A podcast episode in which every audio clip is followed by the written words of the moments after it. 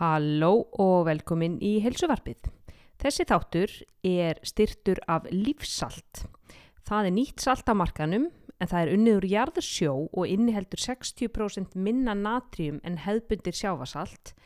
en hins vegar er það með meira af kaljum, magnísíum og jóði. Svo það henda nú ansi vel okkur rættarpjösunum, íþróttafólki og þeim sem að þurfa til dæmis að lækka blóðþrýstingin hjá sér. Lífsalt er frábært eftir æfingu til að fylla á steinefnin sem við skiljum eftir í svita potli á rættargólfinu og það sem ég verði að gera er að sáldra bara smá lífsalti út í pre-workout drikki minn og þá er ég bara með vel byrðar steinefna lager geimslur að meðan ég æfi og á eftir. Prófiði líka að sáldra smá lífsalti út í sigurlaust síróp til að fá svona salted caramel feeling. Það er alveg geggja kombo út á grötin. Þið finnir lífsalt á Arctic Sea Minerals á Instagram og lífsalt fæst í bónus, fjárðakaup og hagkaup til að nefna nokkrar. Nú þátturinn er einnig í bóði ná á Íslandi en ég mæli alltaf bara með vörum sem ég sjálf nota og hefur reynslu af. Og nú uh, eftir að hafa fluttið Danmörkur og, og komist í betri kynni við meiri hita og sterkari sól að þá þarf mín uh, bleiknefjaða húð aðeins meiri, meiri vörn en á, á kalda Íslandi. Og nú þegar vorið er nú komið hér í Kongsins Köpenhán þá er ég byrjuð að gúla inn efni sem heitir Asta Samþinn Það er andoksunar efni sem að finnst í þörungum, fiski og sjávardýrum þetta er efnið sem að gefur lagsi rauða litin sinn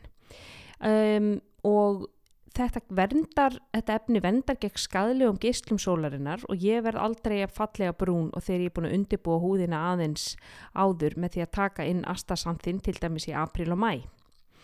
Um, og astasamþinn nefnilega kemur ekki í veg fyrir að UVB geislarni breytist í D-vitamínu húðinni heldur bara hún verana einfallega gegn skemdum. En það er ekki öll sagan sögð því að astasamþinn hendar okkur ræktapjössonu líka ansi vel því að þetta efni dregur úr bólgum sem myndast í líkamannum eftir harða æfingu og dregur úr framleiðslu og uppsöfnun á mjölkur síru sem að veitir okkur þannig betur, betri endurheimt vöðva, uh, í vöðva eftir átök. Nú það bæti líka úttaldið með að auka vöðvamyndun uh, eftir æfingar og uh, með því að auka orkumyndun í kvadperónum. Astasamþinn, það er mjög erfitt að byrja þetta fram en það er A-S-T-A-X-A-N-T-H-E-N. Það fæst á náfoods.is og í háverslun upp á Linkalsi 13 og kóðin ragganagli 20 gefið þér 20% afslátt af alls konar bæteefnum, vítaminum, prótindufti og öllu sem að kemur frá ná og Houdini útivistafatnaði, Speed og sundfatnaði, Converse skóm og margt fleira sem að fæst í þeirri verslun. Nú í þessum þætti þá tala ég við sko ofur giðjuna og kjarnakonuna Katrínu Etti Þorstinsdóttur. Hún er verkfræðingur hjá Boss og við tölum um feril hennar í fitness og ferlið hennar yfir í að fara yfka crossfit. Við tölum um neikvæða líkamsýmynd sem hún hafði, niðurrýfandi innra sjálfstál og hvernig hún náði að breyta því í uppbyggjandi og hvetjandi samtal til að auðlast sterkari sjálfsmynd og notar hún orðið dugleg alltaf eftir sínar æfingar og fyriræfingar og alveg sama hvað hún gerir. Hún veitir ráðum það hvernig við getum breytt þessu innra sjálfstali í þannig að það hveti okkur áfram. Katrín Etta er á Instagram undir attkatrinetta og þar deilir hún með fylgjetum sínum alls konar æfingum og hún tala mjög opinskátt um sínar baróttur við kvíða, látt sjálfsmat, erfið sambandslit og margt fleira. Hún er eldklár, leiftrandi skemmtileg og tekur sjálfa sig ekki á hátilega. Vonandi njóti þið þáttarins jafn mikið og ég gerði og þetta er tekið upp í gegnum Skype sem er í fyrsta skipti sem ég prófa það þannig að þetta er algjör frumrun þannig að ég vonaði að taki viljan fyrir verkið. Gjör þau svo vel, hér er þátturinn með Katrin Ettu.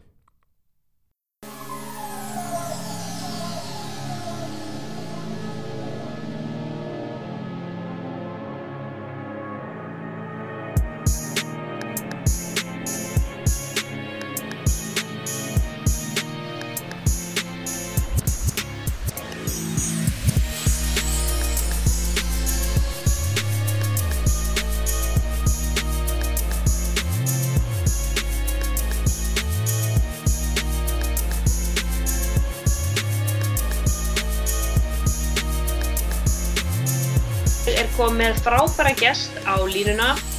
Eh, þetta er hún Katrín Edda Þorsteinstóttir.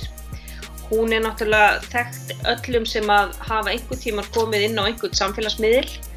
Hún er eh, verkfræðingur, hún býr í Stuttgart, hún vinnur hjá Boss versmiðunni, hvorki meirinni minna. Hún er vela og orkuverkfræðingur, 31 ás. Hún er ekki bara gullfalleg, heldur er hún sko eldklár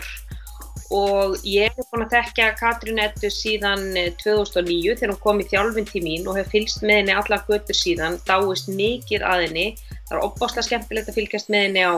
á, á Instagram, hún setur inn mikið í stóri, hún er með flotta posta og mjög einlag og opinn með allt sitt, sitt eh, líf og, og sínar baráttur og sitt ströggl og, og gera það svo mannlegan og einlagan og fallegan hátt. Verður velkomin í heilsuvarpi Katrín Etta. Takk alveg fyrir það. Gaman að vera hérna. Já, bara frábært að fá þig og þú ert svona pröfuð svona eldskýrnin mín í, í Skype viðtali. Það er náttúrulega þessi korona, koronakrísa, hún hefur nú kent svona naktri konu að spinna og það þýðir ekkert að fara fá okkar fólk til sín eða fara til Íslands. Nú verður maður bara að taka þetta gegnum netið. Já, nokkulega. Ég er nokkvæmst þegar í Þýskalandi, þannig ég vöndi að þurfa alltaf að tala við fólki gegnum samfélagsmiðla og allar þá miðla sem eru mögulegir þannig að ég vona bara að það gangi upp. Já, það, það gerir það. Eins og ég segi, það er hérna það er alltaf bara að hljóðgæðin sé í lægi og þeir hefist þau bara að vera fín. En hvernig, hvernig hefur þú haft það svona í þessu koronakrísu í, í Stuttgart? Uh, ég myndi bara haft það frekar bærilegt sko. Ég, veðrið er búin að vera eiginlega alveg stórkastætt alla senstu vika búið að vera sól og 25 gráður eiginlega bara alla daga þannig til í dag og svo ég að regna sem er reyndar nokkuð gott fyrir gróðuræn en við erum með einna út í gardi bara okkar eigið svona semi-home gym hærastu minn átti alla fjandanar dóti átti stöng og plötur og rekk og box og appmet og ringi og paralett og handlað og kittifjöldi þannig að við erum allavega að taka okkar ágættis æfingar og er ég með bara eitt herbyggi með skrifbarði og stól og parkiti unni bara mjög bara, já, í góðu, góðu standi. Kættuðin mín er mjög ánað með að ég sé svona mikið heima, þannig ég er mjög mikið að knústa þeim. Uh, ég þarf ekki á það maskar lengur, þannig að þetta er bara svona helvita ágætt, sko. Engi frjóstaðaldrei og lífið er bara fínt, sko. Svona, maður er svolítið, klikkaðar að það er alltaf að tala um sjálf sig og og kærstan og kættina. Það er til félagslega einangurinn sem, sem er að fara með okkur. Já, það er svolítið það sko og líka bara ég kom svolítið leið á þessu hverfi sem ég bý eða þú veist, maður, ég fór senustu vika í dýrabúð í bara eina við hliðina og ég bara var fyrst í umferðartepp og ég bara, óh, enn skemmtilegt, ég hef ekki verið í umferðartepp svo lengi, mikið er þetta svona fjölbreytilegt þegar við lífum eitt á daginn. þá fer maður að kunna meta svona einmitt þessa hverstasli og leiðilegu hlutum þegar maður er búin að vera opbóstlega mikið inni hjá sér. Maður fyrir bara að þakka fyrir umferðarteppu. Einmitt. en þú ert sérst með heima, heima hjá þér. Ég, ég, ég, ég sá það að, að Markus kærastiðin, hann lumaði nú á bara heilu gimmi þarna inn í herbygginu hjá sér. Já, það var akkurat svolítið. Við fluttum semst inn, einmitt, saman hann flutti inn til mér fyrir mánuði og hann átti eiginlega engin húsgögn en hann átti heila ætt þannig að þetta er mjög, mjög, mjög, mjög vel. Hann gæti bara verið með mjög fínu húsgögn sem ég er mjög sátt með. Og svo kom hann bara með allt sem að þurfti til þess að geta gert bara, já, veist, um, ég bara kann gera backpressu bara á back með stöng og rack sko, eða þú veist, þetta er bara það er ekki þetta karta, það er, já. Nei, þetta er náttúrulega guds í gildi núna og, og ég, sko, leið og ræktinn lokaði hér í Danmörku þá fór ég yeah. rétt, bara á þeirri sekundu fór ég á netið og pantaði allan fjandan, stöng, skotrekk, yeah, bara allt rastlið og núna mm -hmm. getur ekki fengið, sko þú getur ekki fengið sko gummitegið, það er allt uppselt. Allt uppselt, já. Mm. Já, ég sá, það er líka, við erum þetta með alveg ógeðslega mikið úrvali af síðum, vefsíðum sem að selja allan fjandan á netinu og ég sá einmitt bara, en þegar ég var um að leita einhverju ketilbyrnum daginn, þá var samt bara einhvern veginn allar sem venjulegu þingdi bara uppsendar og jújú, jú, getur fengið 2 kíló ketilbyrlu en þú veist, ég get alveg bara, þá verður bara með slokkinu eða eitthvað sko. Já, þú getur fengið 2 kíló eða sko 42 kíló. Já, einmitt, eða 72 kíló, ég sagði, ok, nei, það lyfti í svona. En, en það, það, er, það, það jógst sko sala í svona heimagimtækjum á einni viku í bandaríkunum um 700%. Já, ég er ekki hýst af því. Hann, hérna, Markus, Markus var að reyna að samfara mig um að kaupa með honum Concept 2, hérna, Concept 2, alltaf bæk, uh, fyrir sko 1200 eurur og ég sagði, nei, við erum ekki frá að kaupa okkur eitthvað, einhverja 160 svona hjól sem að við erum að móta í einn mánuð, en ég veit ekki, maður verður bara desperate á þessum tímum, sko. Ég var alveg svona, ég var líka að byrja að skoða róðratæki, nótur róðratæki á netinu og, svona kæla við hvort þetta, þetta splæsa í 70 skróla róðratæki. Svona bara svona, nei, kannski ekki. Ég er reyndar, er alveg á fulli réttlætningunum um, um róðravélina. Ég, ég er alveg svo þreytt að ég vera að hlaupa að ég held að það eftir með því að, að ég kaupi róður. Ég er svona réttlætið með það að ég ekki að fara til útlanda og ég er ekki að fara út að borða og ég er búin að spara svo mikið pening að ég á þetta bara inni. Já, Fyrir, já, já, ég, ég elska mín, ég er náttúrulega, ég og Amazon er náttúrulega búin að vera, ég er búin að vera mjög mikið réttlætingum yfir það hvað ég þarf að kaupa, sérstaklega svona semstu vikur, en uh, ég veit það er aðalega bara hvað í fjandarn hefði ég myndi ég geima þessar ráðræðis, við erum að tala um það að ég er með uppbyggingastungin í aukaherbyggin mínu og, og allt þetta drassingur að segja frá þér garði, ég veit ekki alveg hvað þessi ráðræði vil þetta koma. Og við erum, með, við erum líka með hjól sko, við erum bara, bara ekki koncept 2 hjól.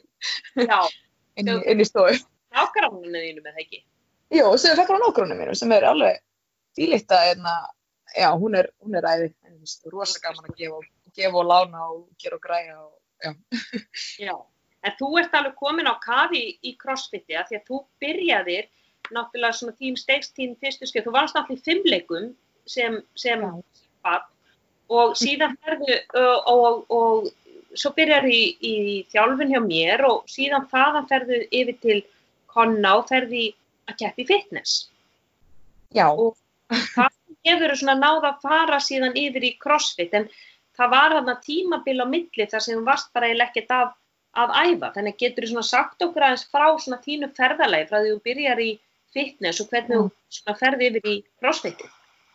Já, ok, þetta er náttúrulega búið að vera heljarinn að ferðalega og ég myndur örgulega að segja að það allt byrjað því að ég var með ádriskunni í hustum frá ég var 12-13 ára gömul og þráði að vera mjó. En ég, ég var svo var það, hérna, var,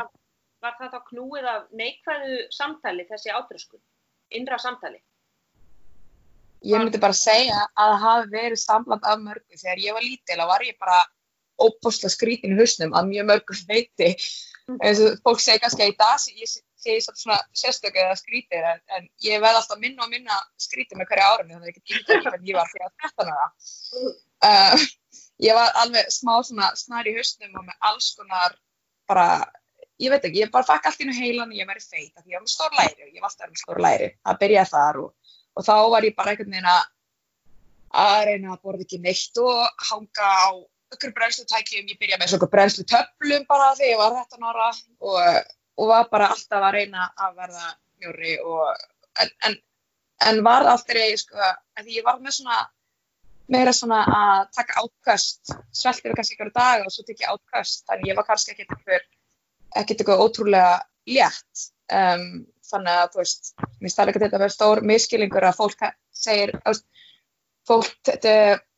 tengir alltaf átröskun við að vera með listastól og vera underweight en þú veist, ég var ekki endilega, ég var aldrei neitt eitthvað sérstaklega mjó en ég var samtalið með byllandi átröskun um, fram eftir upp á mentaskóla árið mín sko, þannig að þá var ég bara í, í Vestló að bara alltaf að reyna að borða einhver, einhver havrakeks, einhver eitt havrakeks og dag og einhver rugg og þá var það svo að En svo er ég, já, ég hef með kaloríur á heilanum bara frá því að ég var 13 ára og vissi alltaf hvað er mikið kaloríur í öllu. En svo En, þetta, en samt var ég líka með mjög mikil áhuga á næringafræði. Ég varst mjög áhuga að vita um allt með prótein, kólutin, fytu, æfingar, hreyfingar, næringarefni, vítamin og þetta. Og einhver tíman hérna á þessu ferðalagi þá rakst ég á bloggi hjá þér. Já, það var nú bara engin íslendingur held ég sem skrifaði svona uh, detailed blogg um næringarefni og æfingar og hreyfingar og mat og mataræði og mér fannst óplúst að ég hef alltaf verið svona mér finnst, mér alltaf þóttu gaman að lesa, ég sjálf mér búið að skrifa, mamma mín íslensku fræðingur, pappa mín rítöfundur og þess vegna hefði ég líka ótrúlega gaman að hvernig þú skrifa því að þú ert mjög góð penni, eins og þú veist sjálf. og hérna, þannig að mér fannst mjög skemmtilegt að lesa bloggið þitt og, og ég sá svo að þú væri með mjög fjárfjörðun, þannig að ég hugsa með mér bara, ok, uh, á, þú veist, einn ein nátt bara, ok, hún er náttúrulega bara gæðt heilbreyð og hún er eitt ótrúlega mikið þjálfun og fyrir þjálfun hennar þá var ég pottet sterk og mjó og allir mínu drauma mínu uppfyllast, skiljum mig. Mm -hmm. Þannig að það var svona fyrstu tryggari kannski sem að ég, fyrir því að ákvaða að skrá mig í, að tala við þig og færi þjálfum til þín. Mm -hmm. Og ég bjóðs náttúrulega bara við að fá hérna bara, já, já, borða hérna, sko, þú veist, bara einu gullu nót í morgumatt og, þú veist, eitt tröfbröð og svo, þú veist, en að því að ég, ég vissi ekki náttúrulega betur og en svo fekk ég náttúrulega bara full on mataprógram hjá þér og kostur við mig þó er að ég á mjög auðvelt með að trista fagmönum. Ég bara, ef það er einhver læknir og hann segir mér ég ekki rætta, þá ger ég það. Og ef það er einhver fjálfari sem segir mér að ég ekki rætta, þá ger ég það. Ég fer alltaf 100% eftir fyrirmælum. Þannig að ég er mjög hlýðin. Ég, ég fer aldrei eitthvað að, að yppa gokk ef einhver segir mér að þetta sé ekki. Ég man ekki í þjálfinni á mér. Þú var sko mm -hmm. of saminskusum. Þetta var svona, heyrðu, taktu nú kannski smá nammitak eða þú veist, já, þú varst post eftir öllu sem það var sagt. Já, ég er alltaf, ég er svona góð í þeim verkefum sem ég teknum fyrir hendur, ég verði að segja það. Og þetta var já, 2009 já, þannig að þetta var þegar ég var að klára vestlu og fara að byrja í verkefni, held ég. Og þá er mér bara svona að byrja í fyrsta skipti að borða ekki bara svona almennilegar máltíðir og, og æfa og fyrir að lifta og, og ég sendi þér þarna með þetta svona fyrirmynd af mér og hvað gerist einmitt á þessum mánuðum er að ég þyngdist en ég, ég grettist. Og það er einmitt það bara sem að alveg rugglaði í husnum á mig sko að, að ég var alltaf inn að byrja að fá svona skurði í kviðin til dæmis og einhvern veginn minna ummála á handleikunum og lærunum en samt að ég þyngst um 2 kíló eða eitthvað. En þarna samt líka byrja ég að finna fyrir hvað ég varst ógeðslega gaman að lifta og byrja líka að ástæða fyrir að ég var líka svona það sem mér fannst ég vera feit bara að ég var breyðar, ég var alltaf verið svona stælt, ég var í fimmleikum og alltaf verið stæltar en marga stelpu kannski og, og þarna er mitt bara í rættinni áttæði maður því að ég er mjög sterk og actually að finna að hafa gaman að því. Þannig að þannig það var bara, þannig að hafi ég verið svona smitast svolítið af rættarbatterínu og, og lóðunum og, og svona þessari loksins byrja að komast í svona venjulega matarútínu þar sem ég var ekki með, með máltíðir sem ég voru að borða. Þannig að með að við hvernig ég var áður tímdi ykkur vítarhing þannig að það var rosalega gott fyrir mig að fá svona mitt rútínu sem einhver segir bara hvað ég borða og ég borða það. En það var rosalega skemmtilegt. Og svo voru uh, vinkonu mín uh, erna, ég var þá í sambandi með íslensku strák sem var líka með mér í verkvæði og uh, frænka hans hafi kæft í fitness og var, hafi verið í þjálfkonna þetta var 2010 held ég. Og hún hefði kæft í fitness og ég, mér fannst hún alltaf alveg bara geggja flott á sviði og, og ég og sýstir hérna fyrir þetta kæristu mín þá um, ákveðum að, að hvernig, ég, ég held að ég hefði ákveð að fara bara að prófa að fara til konna í pröfutíma eða eitthvað svolítið og þá hafði hann sagt um mig bara já, veitna, þú ekki bara skella þér í mótil fitness? Og, og ég er náttúrulega, ég er líka mjög svona sko ef einhver stingur upp á einhverju þá bara ger ég það eða eitthvað svona, ég er ekki að tæla mitt ótrúlega mikið í hlutunum. Og og ég fer svo bara með heim eftir að hafa hitt á konna og tala við sýstur hann fyrir til kærastu mín, hann á marginu sem bíl líka það verku og, um, og hún og við ákveðum bara saman að prófa að keppa í mótufitness 2011, Oscar-mótum 2011 þannig að það var einhvern veginn bara óbúslega tilvíljana kætt og, og mér leist líka rosalega vel á konna vegna þess að ég mitt vera í hittan hann svo ótrúlega setægur og svona hóvær og er ekkert svona eins og þetta innmiðs af ykkurum vöðvaströllum skilur sem að margir kannski sem eru. Hann er rosalega, rosalega góðhjáltaður og, og indalhaður og líka í já, indislega og, og einmitt eins og segja svona lítilátur og ekki fyrir mikið mm. sem ekki þekkja þá er, erum við að tala um, um Konráð sem er í, í, í völdklass, hann er með Iceland Fitness. Hefur sendt mm -hmm. heldur betur marga, marga keppindur erlendis og, og einmitt að þú ferð á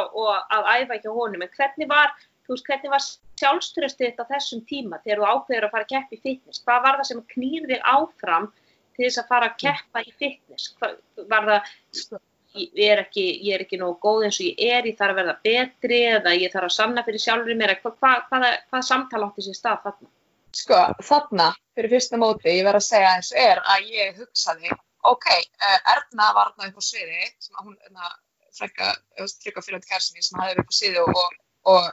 og sem ég fannst svo flott. Hún var, sagðist að vera í 7% fytu. Ég bara, ó, við, líðlangar að vera 7% fytu, að 7% fytu þá loksins verða læri mér mjó loksins sé hvernig, hvernig ég er þegar ég mjó þetta er my ultimate solution.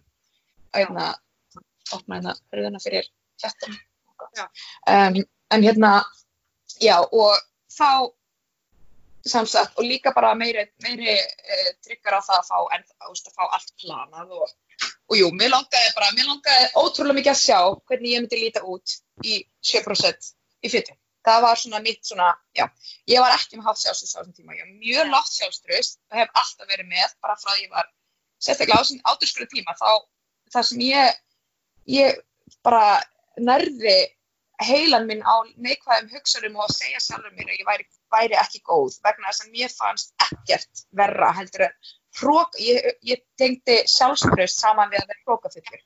Þeir sem voru með sjálfströst voru ego og hrókafullir og asnalir og og það til dæmis hérna, og þess vegna kannski ef ég ekki, mér hefði ekki dótt í huga að fara í svona fitnessbransa um, ef ég hefði vita að þjálfari væri til dæmis eitthvað svona hloka kikkur að mínu mati, en það var til dæmis uh, Konni var þessu rosalega lítillátt, uh, svona rólegur og þá er ég svona já og hann var rosalega klár. Og þá var svona ok, ég get hugsað mér að, að, að fara til hans og já. Og það sem gerðist náttúrulega er að ég fór náttúrulega 100% í allt og og léttist og eða þú veist, kvartaðist bara fyrir móti og var alveg rosalega skori en upp á sviði þá það vantar, þú veist, þá þarftu náttúrulega að vera með þess að ertu um útgeistum þú þarftu að vera sjálfsörugur og þetta var allt sem við vantaði og þetta bara skein sko á hérna á myndunum, ef maður sér að myndir að mér á fyrsta mótinu þá er ég bara eins og ég sé bara fela mig á bakvið þessu stelpu. Og svo fær maður að vita,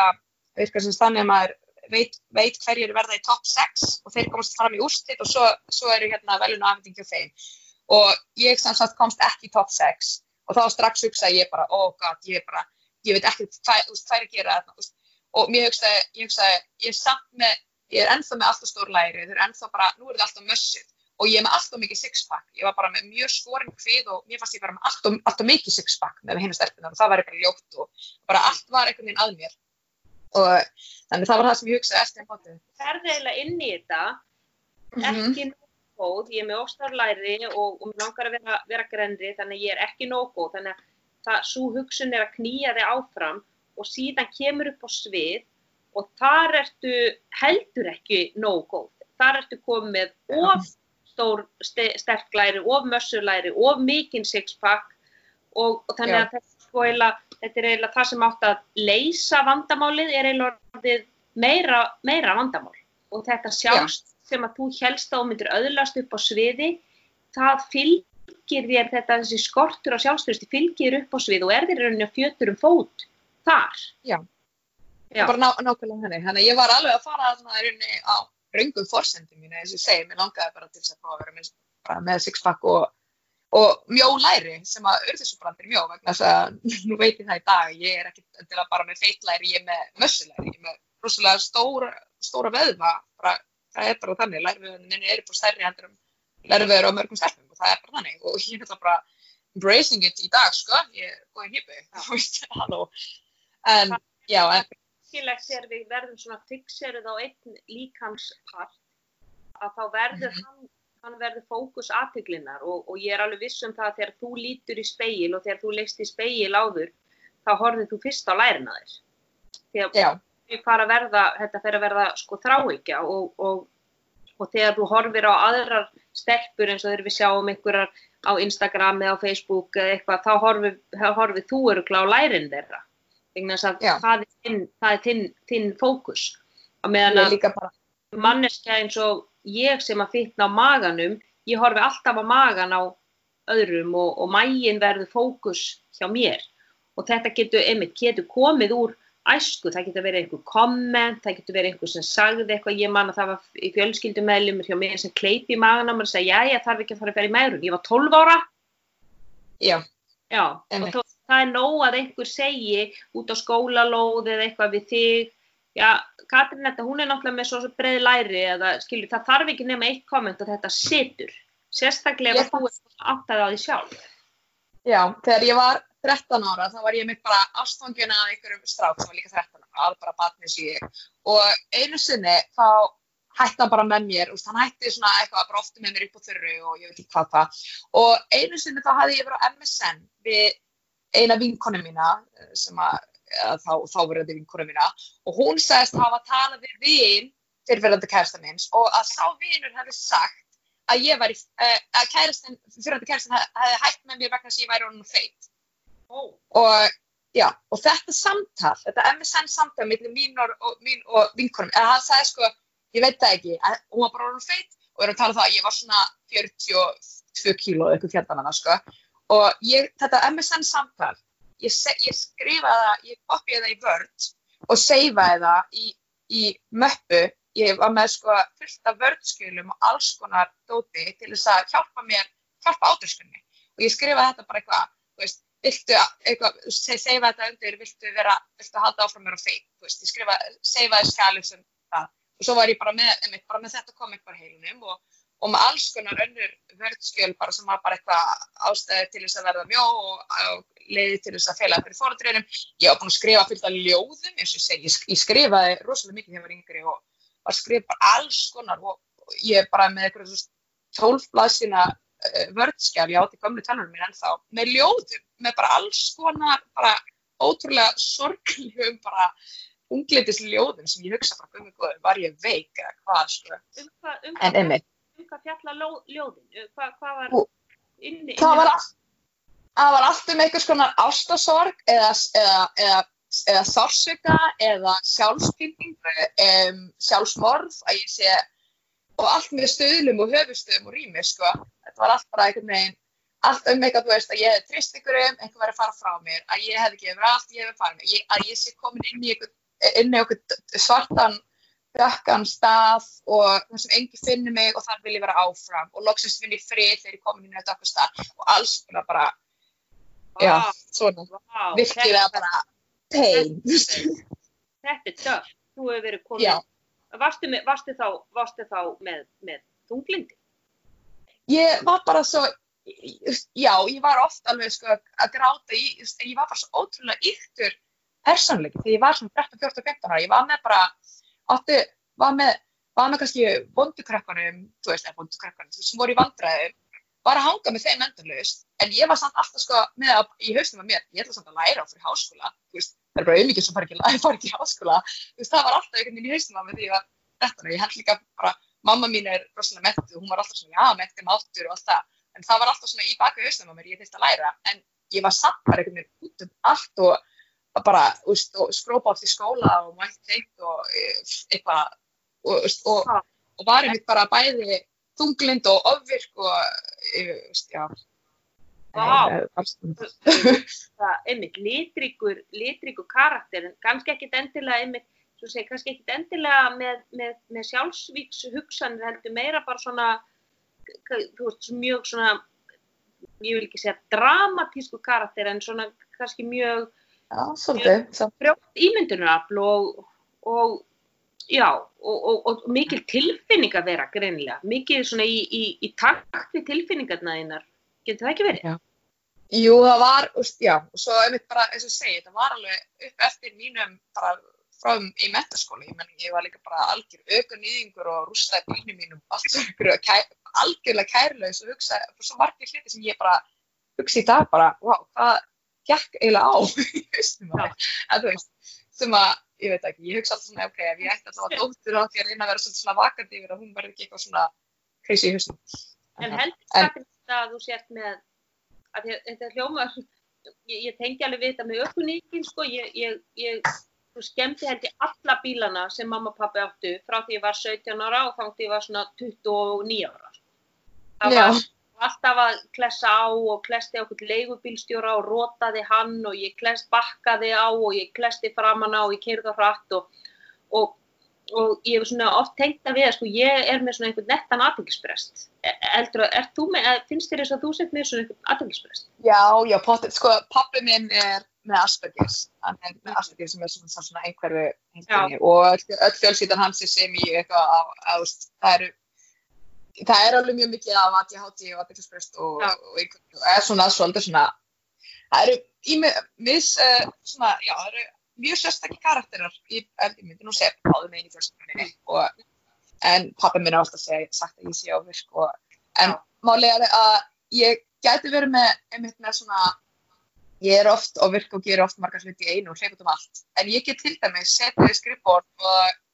reitt með starffræðdæmi í örgulega svona 48 klukkutíma samfleyt og verið með einbindingu Þarna kemur að Asperger Já. heilkynnin. þar get ég haldið einbindingu sko. Get, það- þannig að þá að hugsa ég alltaf nei, ég get ekki verið með ADHD vegna þess að ég get einbind mér svo lengi stegi í háskóla komið fram á alls konar hátt og það er mitt, það sem þú hefur áhuga fyrir og ástriðu fyrir, það getur haldið innbyttingu. En síðan er að ADHD, eða sérstaklega aðteglisprestu getur auðvitað komið fram á margan hátt og eitt svona helsta einkenni og ég var um að segja þetta um manni minn, hann sagði, þú ert ekkert með aðteglisprest. Ég segi, heyrðu ástu mín, veistu hvað er helsta einkenni? Það er að maður skilur eftir alla skápa hurður opnar. Shit maður, það er rosalega aðteglisprest þá. Ég lok aldrei neitt skápa hurður, það er allt opið. Þú getur ekki að tala um, minna, um það skápanum og ég er hérna að horfa á sem er ofin en já, ég,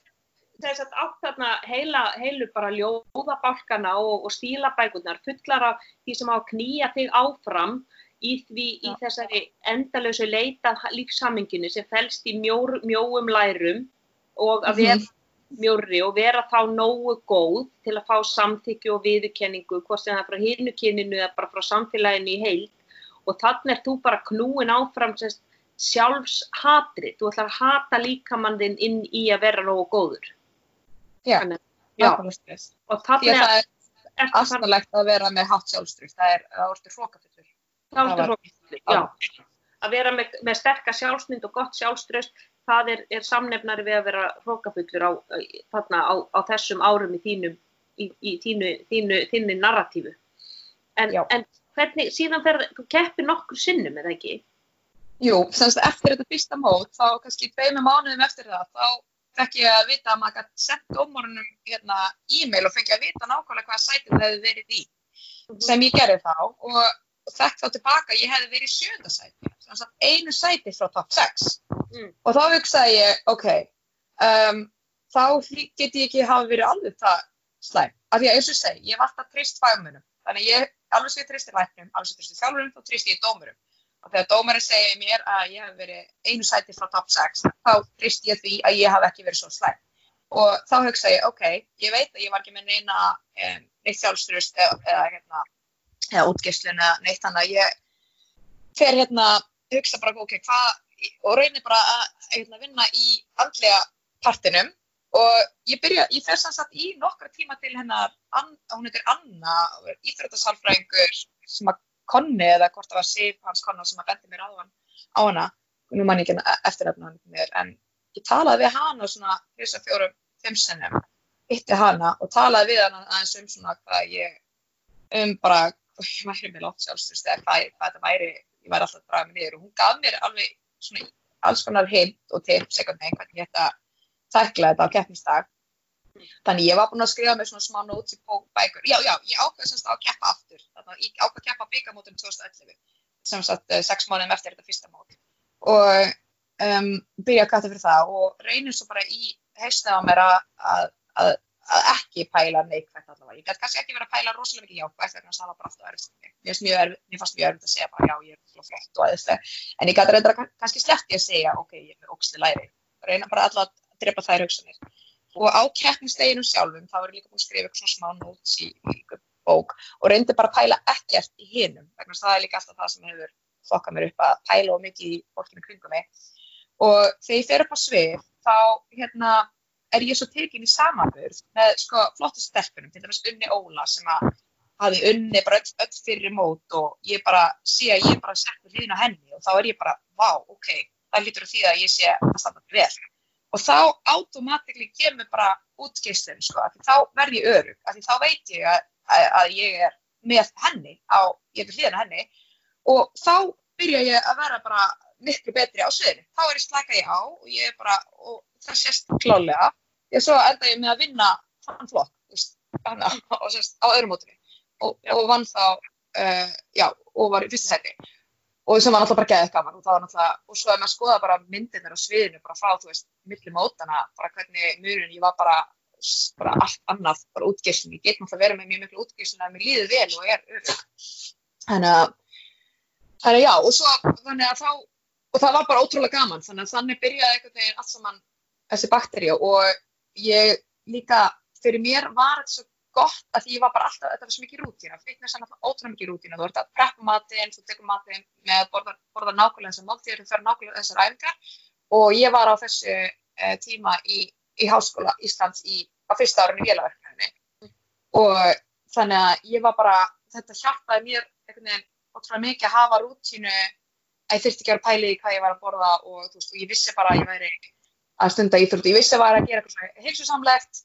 og, og líka bara þegar ég var ekki bara sík, það var ekki bara alltaf mikið namni eða óhald, það vissi náttúrulega, það hjálpaði það mér líka í skólanum að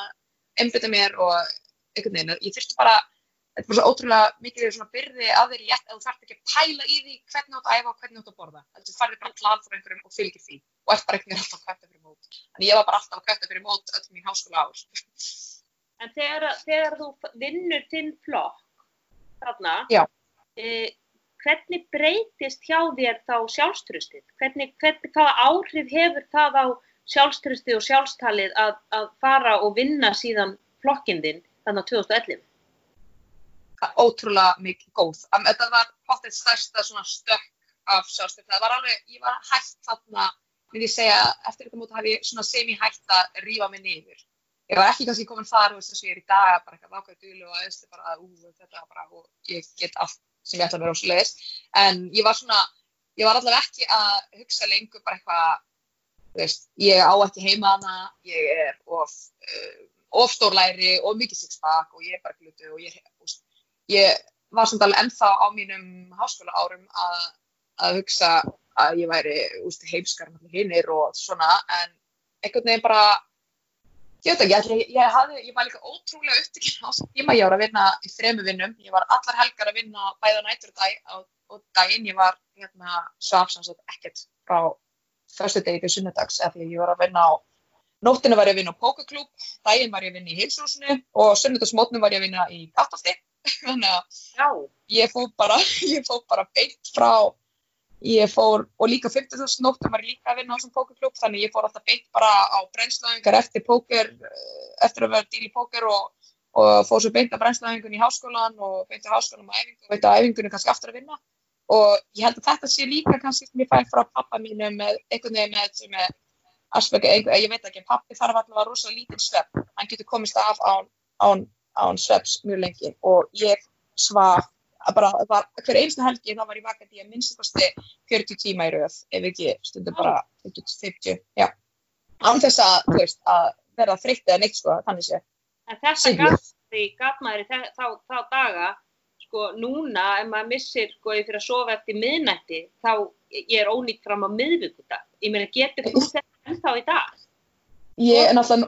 ég líka bara veit betur núna, ég eftir að hafa lesið þarna bókina, þú veist þarna Why We Sleep og hlusta podcasti með honum og, og bara og allt með svefnbrönnsofni, bara hvað svefn er mikilvægur og mm -hmm. við erum ekki að tala um það að þarna í, þegar ég var ekkert að sofa, þá, þá var ég ekki sifjuð en líka með mér þurfti svefn Ég til dæmis, um, ég var að keppa, ég var þrjú ár í bachelornum á Íslandi og þá var ég að keppa á, á Íslandi og það sem að gerði svo fyrir senstu móti mín er að ég, ég átti erfiðar og erfiðar að kvarta og ég borðaði minna og minni, færri, færri, færri kaloríur, æfði meir og meir, var þannig að æfa þrísor og dag og létti samt ekki, eða kvartaðist ekki. Fór í mælingu og konna og ég var ekki búin að kvartast eitt og hvað ger ég? Ég panika og, og æfði ennþá meir og borðaði ennþá minna Þannig til að um mitt fyrir sensta mótum mitt áður en ég fóð til Ískala, með 2012 eða eitthvað, nei 13, þá, um, þá hérna, þá bara missir líka minn einhvern veginn allar fyllingur rétt fyrir mót. Þetta var svona tveimur, ég, ég man einmitt að ég hef sagt konar frá einhvern tveimur að þremur vikum fyrir mótið að ég væri viljandi sjálf, þannig að minga hýta er eitthvað neyri 800 kaloríur. Ég var að hóla 800 kaloríur Já, og við erum talað um á þessum tíma, þá var ég ekki að telja hittæringina, sko, hann, þú veist, hann setti plan með máltíðum og ég, þú veist, hann sagði kannski, já, eitt barni, þá minkaði ég hann sjálf neyri halvan barna, hann sagði kannski 40 gram höfrum, þá minkaði ég fyrst neyri 35 gram, 32 gram, 25 gram. Og, og en án þess að highlight calorie og ég hérna, og ég segja hann svo frá því, bara, heyrðu, ég bara er ekki að kvæmta sneitt og ég er sko komin neyri 890 kalorir eitthvað og hann bara eitthvað, oh shit, ok, um, hann segir að mér bara, herru, bættu við ein, einu epli núna í dag og tjekkum hvernig þetta verður fyrir og herru, ég bætti við epli og ég þingdist um eitthvað 2 kíló eða eitthvað. Og mm. þannig að ég kvætta, þannig ég held bara þessum lágu kaloríum að mótinu. Og, og ég var hérna á sviðinu það var rosalega skrítið bara hvernig daginn áður bara allt í hennu öll fyllingir sem hefði verið í, vöðvonum fór. Þannig að eins og rassum ég var bara einhvern veginn svona ekkert eitt flatur um þessu póki þegar maður er svona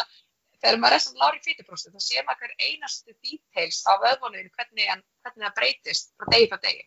Og hérna og þetta var frá degi til dags og hérna en þetta var rosalega Þetta er greinilega grunnbrennslan þín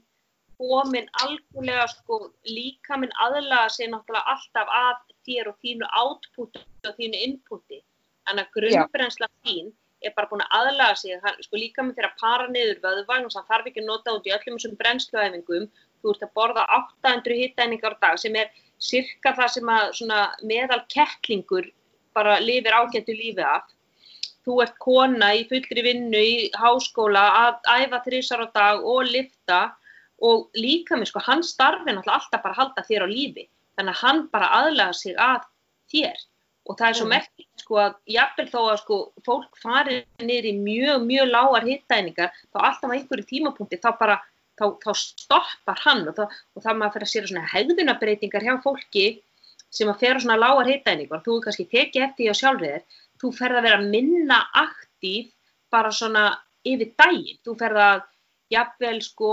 ef þú gleymir einhverju á efri hæðin og sleppið að ná í það þú ferð ekki út í postkassa, þú keirir út í búð frekar en að lappa, þú fytlar minna, þú veist það, það er þessi, það er þessi svona, það sem er kallað svona non-exercise reyfing sem að mingar vegna þess að líka minn er bara, hann er bara passað upp á alla orku sem þú gerir. Þannig að ergo,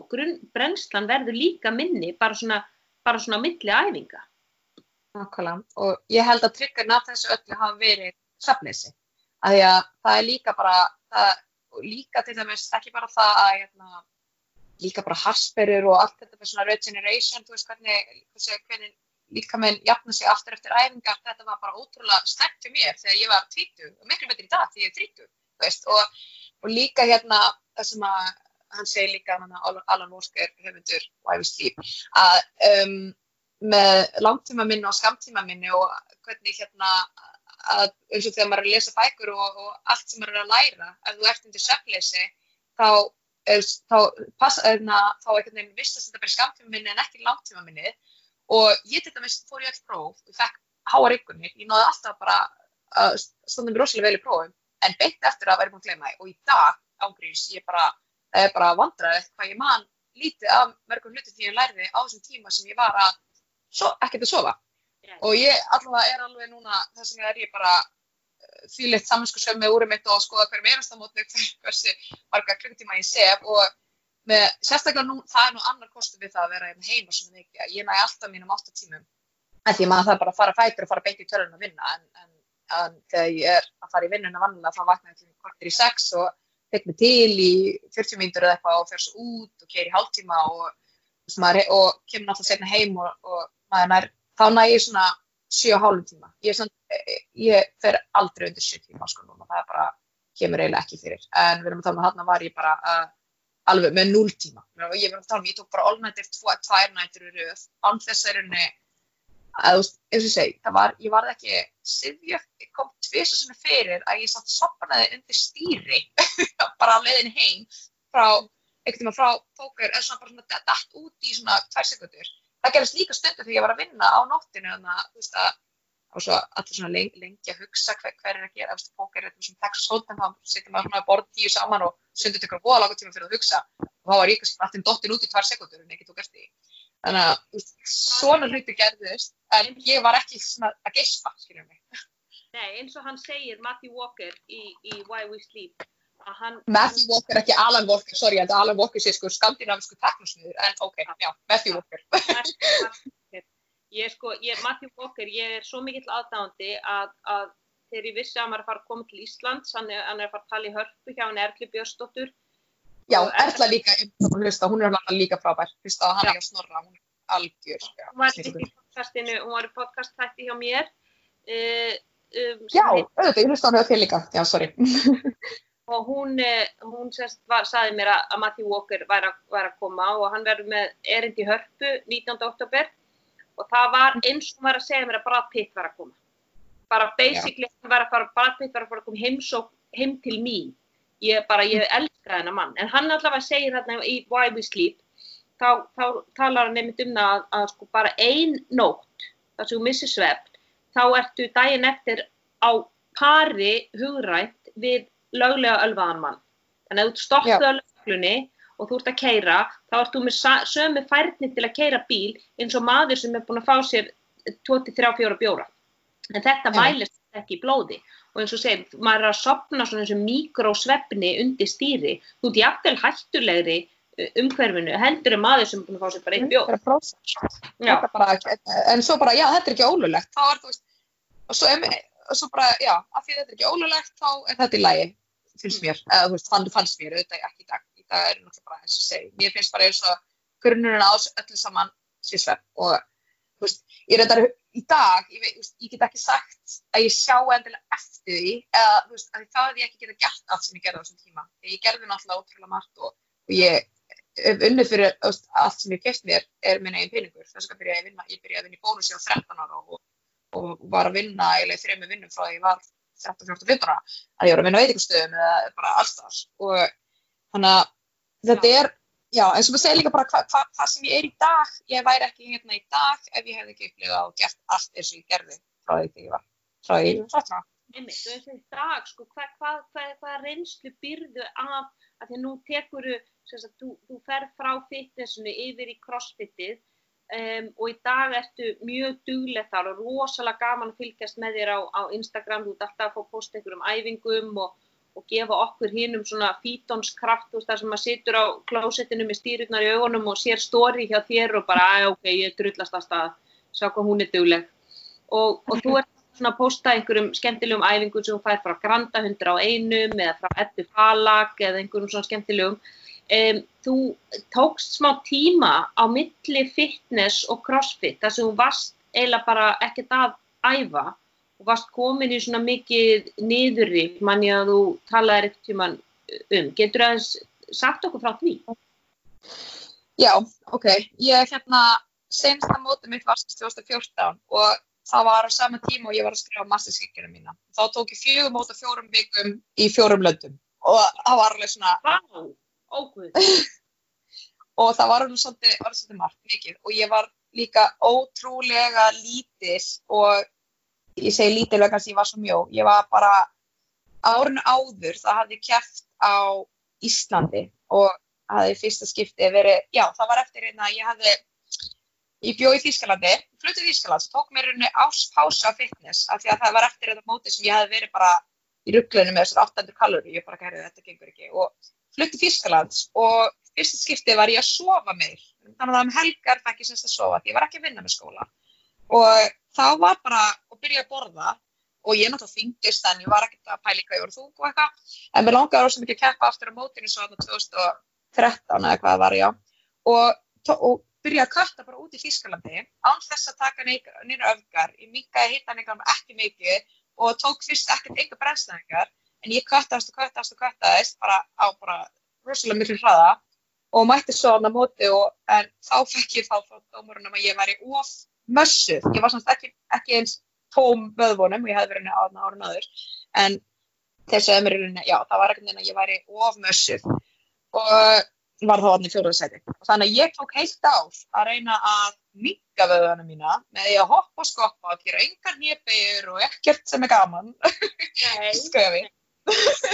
og var bara eitthvað, ok og, veitna, og, veist, jú, og svo rétt fyrir og, rétt fyrir mótin fjögur þá ég meitt eitthvað á kolvetninsvelti og allt þetta og, og þá fekk ég, veist, og þá var ég bara í, á öllum fjóra mótunum þar, þú veist, þá var ég í fyrsta sæti og öðru sæti og var svo hildarsigur verið í Östuríki og allt, og það gaman og, og mikið fjör. En, Já. eftir, en við erum talað um það, ég var svo lítil að, rosalega Mhm. vel, gekk rosalega vel þarna þessum árum, ég, ég man eftir því, en, en það er merkilegt það sem þú segir, sko, þú varst ekki nógu góð á sviði þarna fyrsta mótinu þínu, þá var ég ekki nógu góð, þarna ertu sko aftur, þá færðu líka þau skilabóð, heyrðu, þú ert of eitthvað, já, mössuð, þú ert of svona, þú ert of hinsinn, sem í rauninni er bara annað orð yfir það að þú ert ekki nógu góð. Þú ert ekki, já, ekki nógu eitthvað til að passa í þetta form sem að við erum búin að setja hérna upp. Þannig að skilabúðin eru alltaf, ég, ég, ég, er, ég er aldrei nóg. já, og það er svolítið hættulegt í fitness, verð ég að segja, sérstaklega fyrir mannesku sem er kannski með bróði sjálfstur undir. Því að fitnessi er bara, þú ert bara saman, útlitslega, ertu með nógu stóra raksir með að við, eða þú veist, til dæmis var mér, Conny sagði bara líka að, að, að hlutastlega er ég með, ég var alltaf átt að, að, að, að fá stærri, stærri axlir, að bara vaksi ekki á mér. Trappanir mín eru stærri en hausin á mér, en axlirnir á mér eru bara, já, og neglirnir á mér. Og, en, og mér vinnaður í búk. Og þá er náttúrulega ótrúlega erfitt að, þú veist, eins og svo var ég þetta áraðin að æfa, já, ég ætla að mikka lærvöðuna mína, en ég ætla að reyna að halda í hina veist, það bara gengur ekki. Það er bara alveg og segja, ég vil missa fýta á maganum, en ég vil ekki missa fýta á, á lærunum, þú veist. Það er bara, ég misti bara vöðva allstaðar. Og Þannig að fyrir- líka, lí- líka minn, hann náttúrulega er, við erum bara með ákveðna genetík og við eigum Mhm. erfitt suma vöðvahópa en, en aðra og ég man til dæmis Arnold Schwarzenegger, hann átti mjög erfitt með að byggja upp kálvan á sér og, og það sem hann gerði var að hann gekk alltaf í afklipptum buksum til þess að hann sægi alltaf kálvan á sér sem að var í rauninni sko svona, hann knýr sjálfan sig áfram á einhverju Já. sko, ég er ekki nógu góður þarna þarf, og hann var að taka kálfa og kálfa og kálfa og í, í lok hans ferils var hann orðin þekktu fyrir kálfana sína Já, já, já. hann knýr sig áfram þetta er svona svipað eins og þú myndir alltaf vera í einhverjum hot pants til þess að sjá lærinaður og ég myndi alltaf vera í afklipptu magabólum til að sjá magan á mér bara til þess að sko sjálfshatri myndi knýja Sjálfshatri. áfram Já, mér finnst þetta svolítið svo röng skilaboð algjörlega, mesta algjörtröks. mm. og já, og hérna eins og segja, þú veist, fyrstu þremum mótum á þessum fjórum, þú veist, þá var ég líka bara það er bara ótrúlega erfitt að halda sér í keppnisformi viku eftir viku eftir viku þegar þú ert alltaf í vast og svona kolumnisleðslu og kolumnisvelti og þannig að um mitt senasta mótinu á Spáni, á Europamótinu, þá var ég orðin sko, hvað ég held ég að vera 52 kíló eða eitthvað, þú veist, sem er bara var, eða fyrsta mótinu mínu var ég 57,5 eða 50, já, fyrsta mótinu mínu og árun áður líka og hérna og allt í henni voru bara, þú veist, og við erum talað samt verið sama í 40% þannig að það voru bara svona veðvar og mér bara horfði með spegli og, og sko á sviði þá, maður, þú veist, það blekkir líka svolítið mikið á sviði þegar maður er með tók brunkukremum og hliðina öllum sem eru massaðir og virka með að vera svona svolítið massaðar skorin en þegar ég horfði á sjálf mig í íþróttafötum bara í rektinu, ég á myndir af þessu bara lærin á mér eru jafn stór og kálvatinn minn í dag. Þannig að verið loksins komið með þessi mjóu læri sem ég var búin að óska mér. En mér finnst það bara lítið fyrir að vanar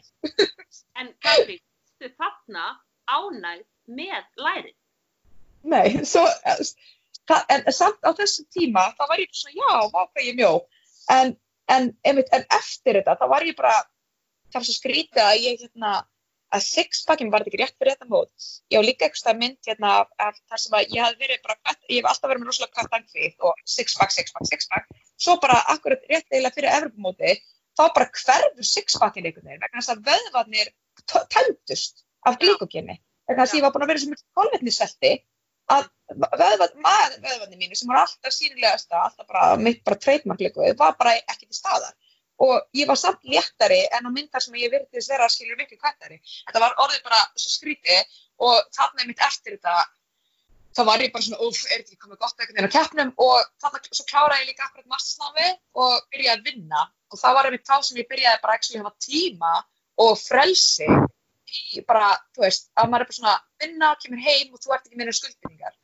og þá, þú veist, þá var ég bara eitthvað, ok, og, ok, og eitt sem er sem er líka slæmt sem ég þróaði með mér með fitnessinu ég, er þessi súkulæði sem að ég hef, er ennþá alltaf að klíma við í rauninni,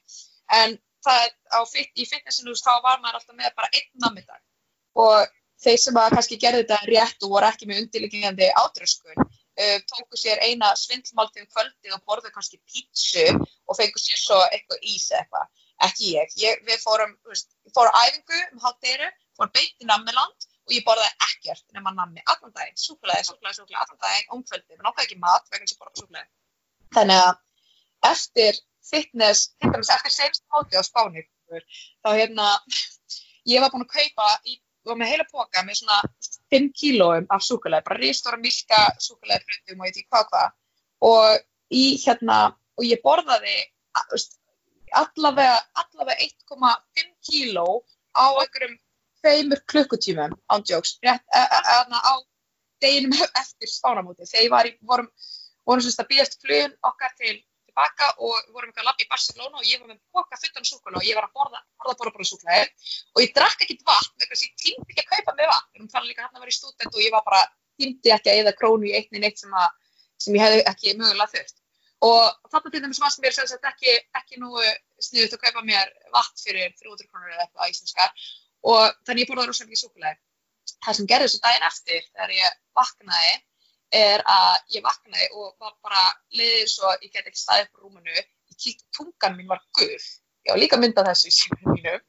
tókum við alveg gull og ég gæti sko vatna staði en ég þurfti að fara vegna sem ég var að vinna í verknámi með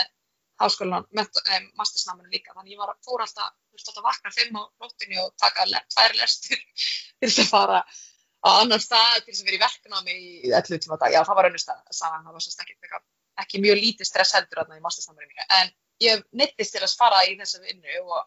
og ég var, það var bara eins og ég væri að deyja allan daginn og tóka mér vakkur og ég mitt svo las að það væri bara næringarstöð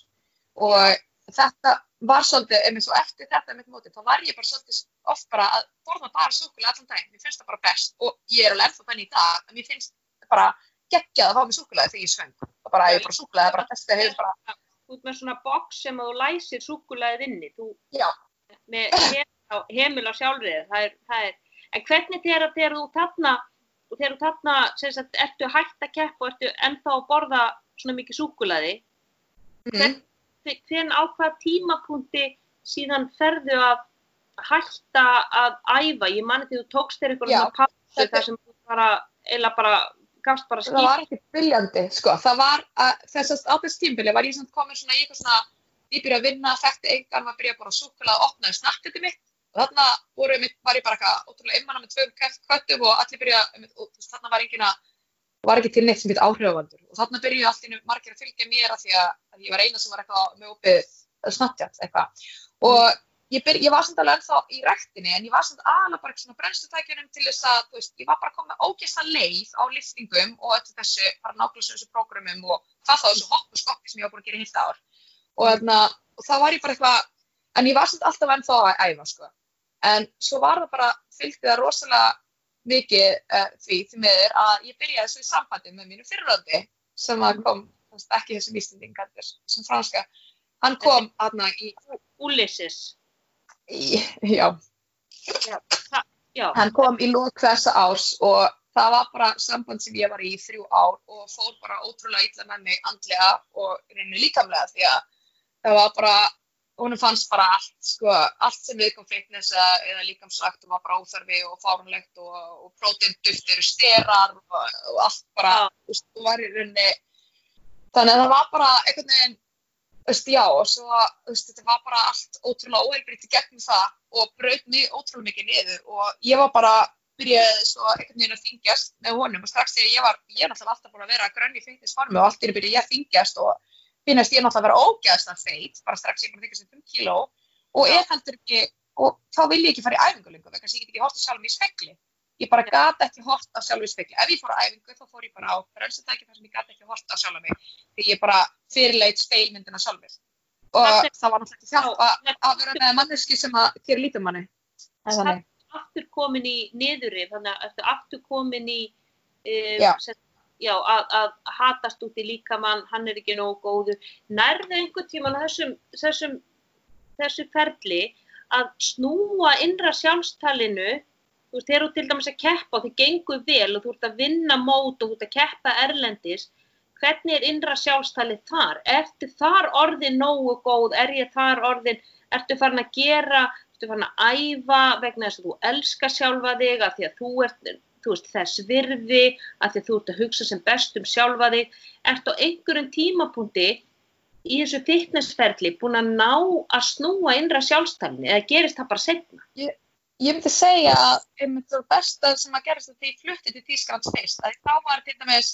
enginn á Íslandi að dæma mann, þú veist, það var enginn dæma. Ég, ég þyngdist líka þá, ég þyngdist þá alveg strax að ég byrja að borða venjulega og, og lifta og eitthvað, enga brennstæðingar og þá var ég til dæmis bara vákað gaman lifta og ég þarna líka fekk ég axlir fyrsta skipti, þá var ég bara yes, loksins að ég var að borða nóg.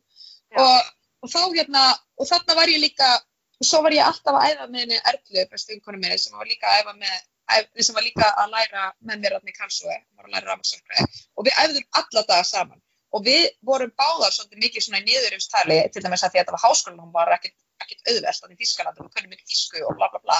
og við vorum fyrst alltaf bara svona hvað er við að pæla, oh my god, hvað við skiljum ekki neitt og okkur lélar en einhvern veginn samt með sko það frá degi þá byrjaði samt þetta tala breytast í bara, bara heyrðu, ok, þú veist við erum reynda bara komin svona langt. Við erum hérna í einu besta háskóla í Þískalandi og í ramarsverku og vélarverku, það getur ekki verið að við séum svona vélar eða eitthvað. Og ég hef alltaf notað þetta, ég hef alltaf verið svona raugraðið sjálfa mig. Veist, ef, ég, ef ég kláraði, veist, eins og í, í bachelornu líka, þessi þrjú ár sem ég var á Íslandi og var með svona látt sjálfstöðust, þá hugsaði alltaf, ok, heyrðu, ég kláraði nú fyrst ári, þá líti nú að geta þessu önn. Heyrðu, ég kláraði nú þetta próf, þá líti ekki þetta próf. Heyrðu, ég, gaf þessu önn og svo bara þannig að, þannig að við allt einn búin að klára það. Þannig að ég hugsaði, þannig að það var svona að byrja að breyta svona hugurinn í þarna og líka það sem hjálpaði mér mjög mikið fyrst mér í háskólanáminni í Þískalandi að ég gerði verknám í, var ég verknám í sjö mánuði og, enni, eh, fjóra mánuði og svo var ég að vinna sem verknum mig líka áfram í sjö mánuði, ok. Og þar var ég með svona leiðbyrnenda sem að tók svo eftir því hvað ég á mig látt sjálfstyrist vegna þess að hann var alltaf að byggja mig um að gera eitthvað og ég var alltaf hægt um að gera vittlust. Ég var bara, og viltu að svona eða svona og hann bara, það bara eins og þér finnst og hann var alltaf að segja við mig bara, þú ert miklu klára en allir í það einni, það er bara, allir, allir kálhausar með við þig, þú veist, bara, alltaf að svona, bara þú ert eftir að grínast, þú ert í þessu námi, þú ert að gera eitthvað mastersverkefni með flumvöla hreiflum fyrir Rolls Royce, bara hva, hver gerir það, þú veist, og var alltaf að peppa mig. Og hann var ótrúlega, þú veist, bara, og mér fannst það til dæmis, ég notaði það oft til þess að, Eh, segja þetta sjálf við mig. Og þetta var ég að segja við mig alveg í, speklinum sko að veist, ég er bara, ég er bara nokkuð góð. Veist, þannig var, segðust, það var alveg klálega veist, á námsárunum svo setni sem ég byrjaði ekki að, að tala við sjálf í spekli, ég gerði það fyrir senst mótum mér, ég var að bara tala við sjálf í spekli bara, þú ert ekkert svo slengt, þú ert bara kannski ekki alveg svona og þú ert best í heimi en bara svona, þú ert ekkert svo slengt, þú ert bara þú gerir þetta og þetta, það er ekki allir sem getur gert það, það er ekki allir sem getur farið hluti einu til Þísklands og svo frá þess en núna notar mikið orðið dugleg og ég er dugleg og ég er dugleg og mér finnst það svo fallegt og skemmtilegt þegar þú kemur því fram alltaf. Bara ég fór á æfingu, dugleg ég. Ég hljóf 5 km, mm. dugleg ég og það er alveg sama hvað það er og þú veist, og, og sko þú veist, fyrir suma myndi vera bara 5 km, það er náttúrulega mikið. Mér finnst það sjúklega mikið, veist, ég, ég bara valla, ég get þrjá í einu, veist, ég get gett spretti. Í einni bunu einhverja þrjá, fjóra, fimm kílometra það, það, það finnst mér mm. fólk að fá Nobelsvelunin fyrir það sko. Já, já, ég, ég er eins og þú. Og, og að skrifa duglið þá er það bara yeah, you go girl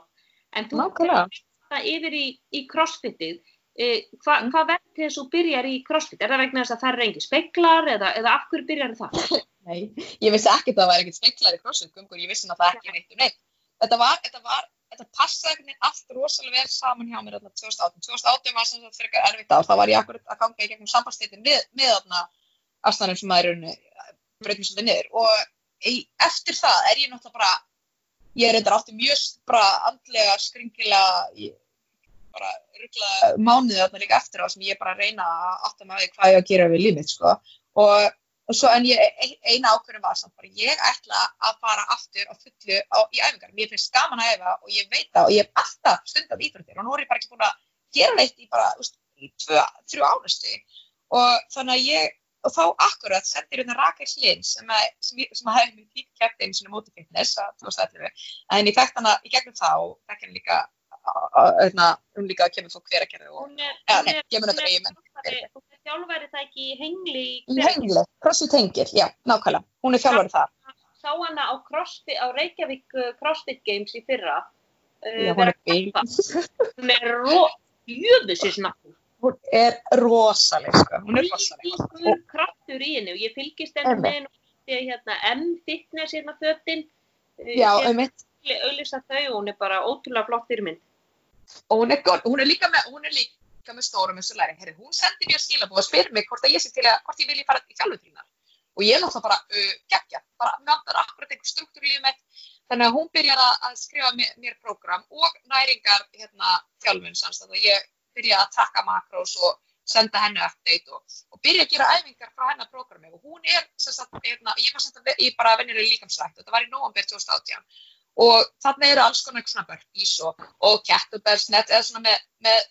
handlum, ég vorum ekkert að fara í miklari olimpískarandi byrjun, en svona vott. Og mér fannst þetta bara ógæðslega skemmtilegt, það var bara allir dagar öðruvísi, það var ekki bara þetta var ekki bara mánudagur eru axlir og bísep, þriðdagur eru lagtir, miðvikudagur eru bak, þú veist, við erum talað um, ég er búin að vera með sama struktúra í æfingunum mínum í miljón ár og svo kemur bara eitthvað allt annað og bara ekki fannst þetta skemmtilegt og ég bara hlakka til frá æfingar og bara hverju æfing bara alltaf skemmtileg og skemmtileg.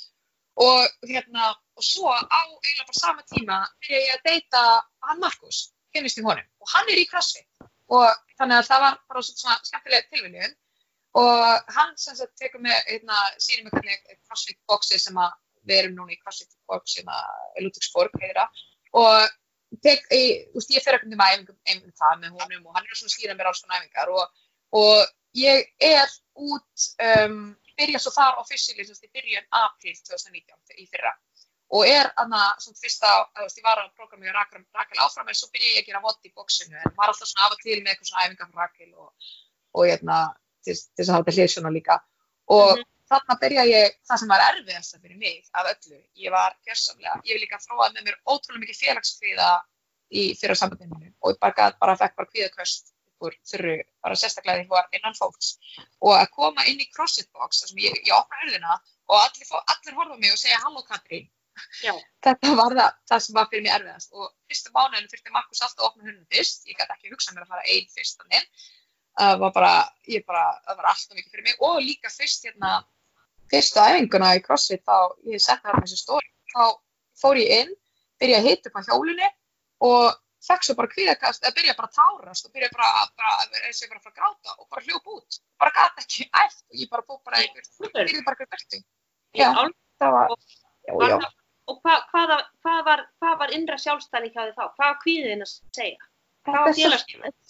er Ég var einmitt bara gat eiginlega ekki útskrift. Það var bara, uh, ég var, pluss, ég var alltaf bara ógeðslega óörug. Um, ég var farin að halda til dæmis að, ég var hægt að koma með, með kæristæðin mínum í CrossFit og hann alltaf þekkti alltaf, ég þekkti engan. Ég var 100% af því að hann var búin að vera með öllum stelpunum hann. Það til dæmis. Þannig ég var, hann ímyndaði mér að hann, hann var ekki búin að vera með neilum aðeins og þú veist, og ég var bara já, jú, víst, þú varst með veist, ég var bara alveg í, ég var með svo mikla öryggis, bara komplexa eftir mér fyrir hann. Lágt sjálfsmat eftir þinn og ekki, ekki nógu og hugsa bara, ég er ekki eins góð. Og ég er bara ekki nóg sterk og ég er ekki nóg, þú og svo allir, ó, þetta er Íslandi? Og ha, crossfit Ísland, la, la, la, og bara, þá er ég náttúrulega bara, god, ég er ekki nóg sterk, ég er ekki nóg góð. Og bara, og þá þetta er bara, okkar væntingar til þín frá öllum að þú ert frá Íslandi og þú dóttir og þú Já. geta þetta og, og, og ég stend ekki til væntingum og ég mun valda þeim vonbriðum og, og ég er ekki nógu sterk og ég kann ekki gera ég kann ekki gera uppbyggingar, ég kann ekki gera tóstubar og ég kann ekki gera klín og ég kann ekki gera þetta allt saman ekki Þannig- einmitt. Já, og mér finnst það svo æðislegt líka því við tengjum svo á, við erum greinlega bæða, báðar algjörlega hreyfi tækni fatlaðar og, Já. og það er búið að taka mér sko þrjú ár að geta gert unbroken 10 toast to bar ég ekki. 12 núna og ég er að segja Já. það fyrst þegar ég byrjaði ég eins og einhver lirfa niður, ég sé ekkert, ég sveiflaði bara eitthvað ég var bara ég var í rugglinu sko. Og Já, já, finnst svo taktur, ó, óþálega. Já, fylgjast með þér hvernig þú er líka verið að lýsa þessu. Að því manni finnst þegar maður, maður sér fólk og allir geta þetta og þetta er ekkert mál fyrir fólk og, og þetta, þessar upphyfingar og þú veist, ég get, ég get fimm ég get sjö á góðum degi átta ef ég er í geggjúðstuði en þú veist, ég meni ég hangi á milli alveg bara eins og einhver, þú veist, slappur sokkur á þvottasnúru og, Já. og þú veist, en, en tæknin og allt þetta og mér finnst það svo indislegt þegar þú, og ég veit að hjálpa svo mörgum sem eru að þetta, það eru miljón aðrir í sömu stöð og við. Við sjáum náttúrulega bara þá sem að posta flottu myndböndunum. Einmitt, það var svo gaman að, að posta líka bara æfingum á manneski sem er ekki að gera massalagt, þú veist, bara posta af mér og líka bara svo gaman fyrir mig að sjá þetta líka bara árið síðar þegar ég er að posta mér að ég gæti ekki gert strikt pull-up og þú veist, og svo gæti ég alltaf gert, bara, eða, þú veist, þeir, líka bara svona þeir sem að, þeir veikleikar, maður þekkir náttúrulega sína veikleika og ég sé bara já, ég er ekki góð í í fimmleikunum hana, einmitt, ég, ég, ég bæði og ég var í tropp fimmleikum, svo kom ég hérna fram að af, af hverju ég get ekki, af því að mér fannst áhölda fimmleika svo leðileg, af því ég gæti ekki verið að tvísla, af því ég var svo léleg því, þess vegna ákveði ég fara á tropp fimmleika, núna í dag náttúrulega sé ég eftir, ég, ég bara get ekki með nokkra mútið að hangja á þessu helvið stug, en, en einmitt, en, svona, en, en líka bara það, ég alltaf, ég er ótrúlega, eins og segi, ég get oft, ég get verið með lassjáls, ég, ég er bara með eitthvað svo tryggur undir mér sem að stundur bara brosta sjálfsvísið, en ég er ótrúlega mikið front og það, það sem ég segi, þú veist, þegar ef ég útskipt fyrir fólkið í crossfit eitthvað, ég sé hann ekkert um verið óörug, þegar bara, hafð þú? Því að núna kem ég inn í bóksið, ég opna húnuna einn og, og það kemur eitthvað halvkvæmding, þá hrópa ég yfir alla, hæ, allir, eða þú veist, bara, úst, ég er svo sem hrópa, ég kem inn, ég kem brosandi, ég hleyp inn og ég bara byrja að fama alla og ég er háarri og meira ábyrgandi en allir hinnir, eða þú veist, ekki allir, en ég klálega, þú veist, ég kem inn og fólk er bara, vá, hún er bara pottet ógeðslega örugum með all, all lífsitt bara að tekja saman. En kannski að líka bara alveg svo ég er búin að læra fyrir starfsviðtel og bara allt sem ég gerir vinnunni, ógeðslega oft sem að það getur sko verið niðurbrotnandi ofta að vera, þú veist, þú ert eina konan, þú ert ljósær og bara auðvitað fyrstu bara verður svona sæta stelpann og, og að vera þarna og við reynum að sína á sér beinin nefn og kunnir allt og án þess að brotna niður að því þú ert off emotional að þú ert kvennaður, þú veist, ofnandi, að, vera bara með hana front, bara ég er samsverðing þó þú sért ekkert sjálfsörug bara verður bara, bara þóstu bara að vera sjálfsörug, skilur þið? Já, you make it og taka þitt plás þannig að hvað, svona að lokum Katrin þetta, hvað getur þú ráðlagt stelpum sem eru sömu stöðu og þú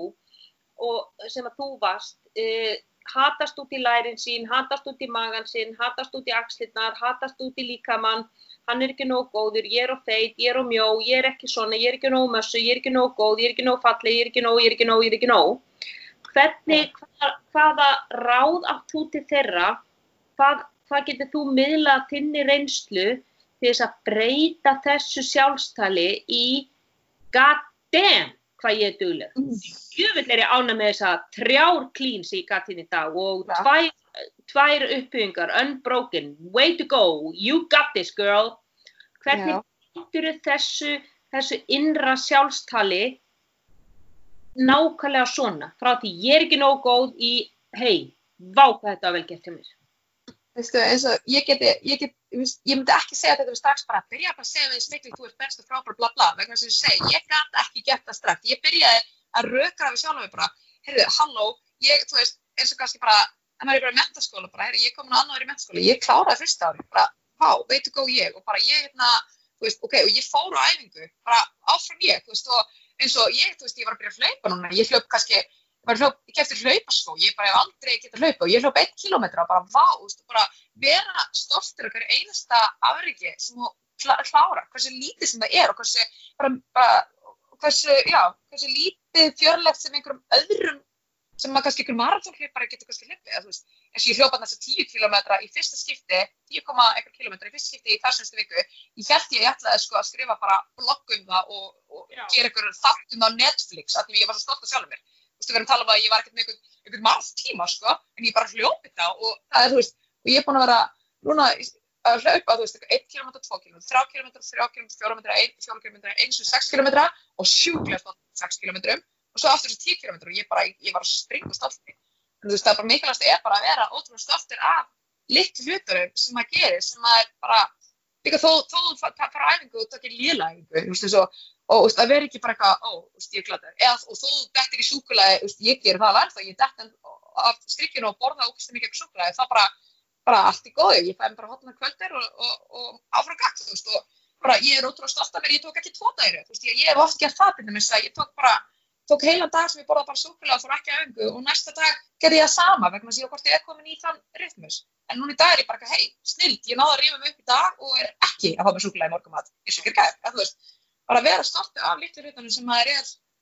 já, alltaf vera stoltið af litlu hlutunum, ég það sé bara svona, já, það sem ég er alltaf að tróða í hlustum á mér. Og segja maður sér döglegur, alltaf að segja sér dögleg. gera, gera minni kröfur til sín ok, ég, ég, ég þarf ekki að fara út ég þarf ekki að fara út og, og, og hlaupa 10 km. Það væri alveg rosalega gott fyrir mig núna ef ég er manneski sem er aldrei að hlaupa að þá verður það 100% aukning ef ég myndi fara og hlaupa 500 metra.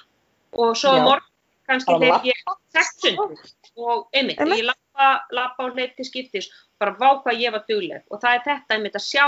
og geta hakað við, vá ég fór út í dag, mér er alveg saman hvað þessu lítið það var, setja, setja kröfunar eins lágt og maður getur, ég var, var einmitt með eina, eitt skjólstæðin hjá mér og hún átti svolítið erfitt með að mótivera sig til að fara í sund.